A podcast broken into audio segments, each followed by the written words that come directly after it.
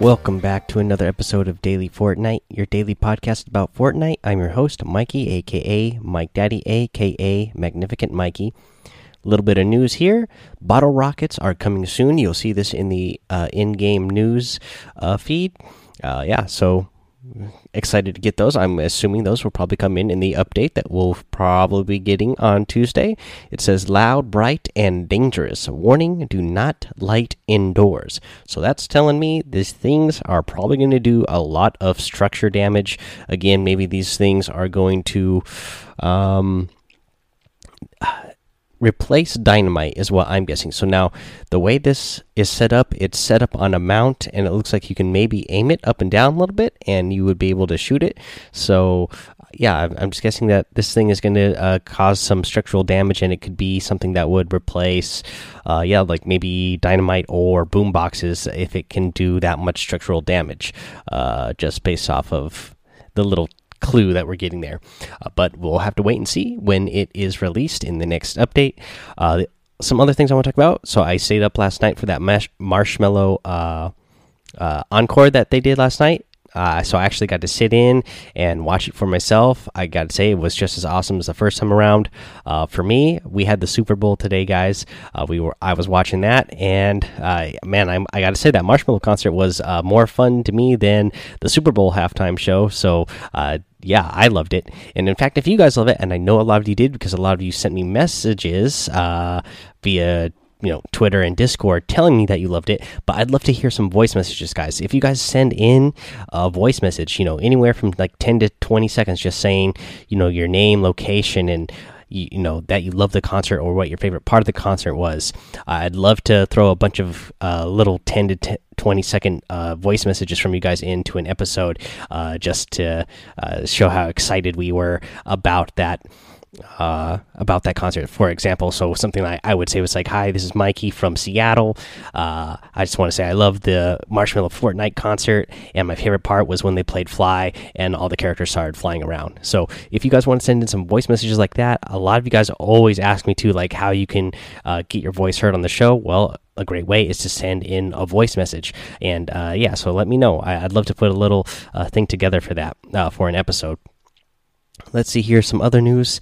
Uh, the Honor Guard phone promotion is being delayed. I don't know for how long. They didn't say. They just put out a tweet saying that uh, that promotion is going to be delayed for the time being. Uh, this was the promotion for uh, if you bought the Honor Guard phone, you would get that Honor Guard outfit. Um, they said they'll provide an update once they have more information, but uh, for now, it is postponed. Uh, let's see here. That is all the news that I want to get to. So let's go ahead and get into our week nine challenge tip. And uh, this one, straightforward. You know, this is just to get eliminations at either Retail Row or Junk Junction. Uh, still, not a lot of people land at Junk Junction, even with the challenge going on here. So I would just go ahead and go to Retail Row. You're going to see a lot more action there. Um, especially, it's kind of in the middle of the map. So if you do a uh, an LTM like the uh, let's see here what we got in the game right now. We have the uh, uh, well, they have the uh, NFL Rumble in there. So if they, let's see here, if they have the normal Team Rumble, sometimes you can get that uh, retail row a little bit more often. Uh, so that's usually a good one. Uh, but yeah, so I, I would just go land over at retail row. You're going to have more uh, players around to eliminate for this challenge uh, between the two locations. Let's see here, guys. Let's get into the item shop. Of course, uh, we want to cover that today.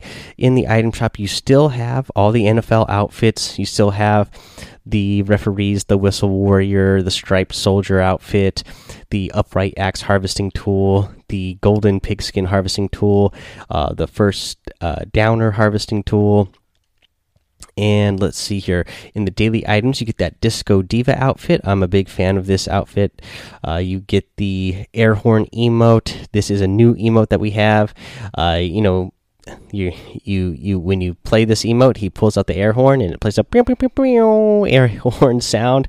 Uh, so that is pretty uh, epic. Uh, let's see here. You get the spike it emote and the denied emote. So you know again we had that super bowl earlier tonight in which the patriots won uh, their sixth super bowl in the last 18 years. So we still have a bunch of nfl outfits in the item shop here.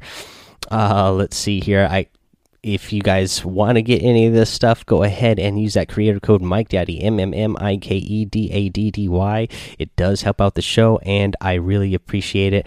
So I got to give a big shout out and thank you to Leon Dempsey, and a big shout out and thank you to Caleb. Uh, both of you guys letting me know and showing me that you are indeed using my creator code. I really appreciate that already. And now we want to get into our tip of the day. And the tip of the day, uh, if you remember, uh, week or so ago, I ran a a Twitter poll asking what you guys thought about the RPG and if it needs to be adjusted. Because uh, it seems like I've been dying to the RPG a lot lately, and you know a lot of people use it for you know close range battles. Uh, well, you know, I'm still running into this uh, a lot, so you know, especially in build battles. Well, what you can do to at least help uh, counter this is to double ramp. Uh, you guys already know about double ramping, but just here to remind you for today's uh, tip of the day to remind you to double ramp when you are in a build battle, especially if you know for certain that your uh, opponent has uh, has an RPG and they definitely and they are above you in a build battle. And remember, build bat. Um, I mean, double ramping is when you build a ramp uh, in front of you that you are going to run up, but you can also look up and uh, keep spamming your uh, your build button, and the ramp is going to build above you, behind you as well. So that will help protect you. And if your opponent is one of those people who is definitely trying to use their RPG for a close range weapon, uh, they might accidentally end up shooting that ramp. Uh, and that is placed behind you, and hopefully that's going to be enough to damage them and eliminate themselves, and you'll feel extra happy then because not only will you have um, you know blocked an RPG shot, you will have also caused another player to eliminate uh, themselves with an RPG, and you will go ahead and be able to pick up their RPG so that you can use it for yourself. Alrighty, guys, that is the episode for today. So head over to that daily Fortnite Discord and uh, come hang out with us over there. Uh, make sure you head over to Twitch and YouTube. Follow me on both of those places, Mike Daddy, M M M I K E D A D D Y. Uh, head over to uh, Apple Podcasts and iTunes. Leave a five star rating and a written review, and you're going to get a shout out here on the show.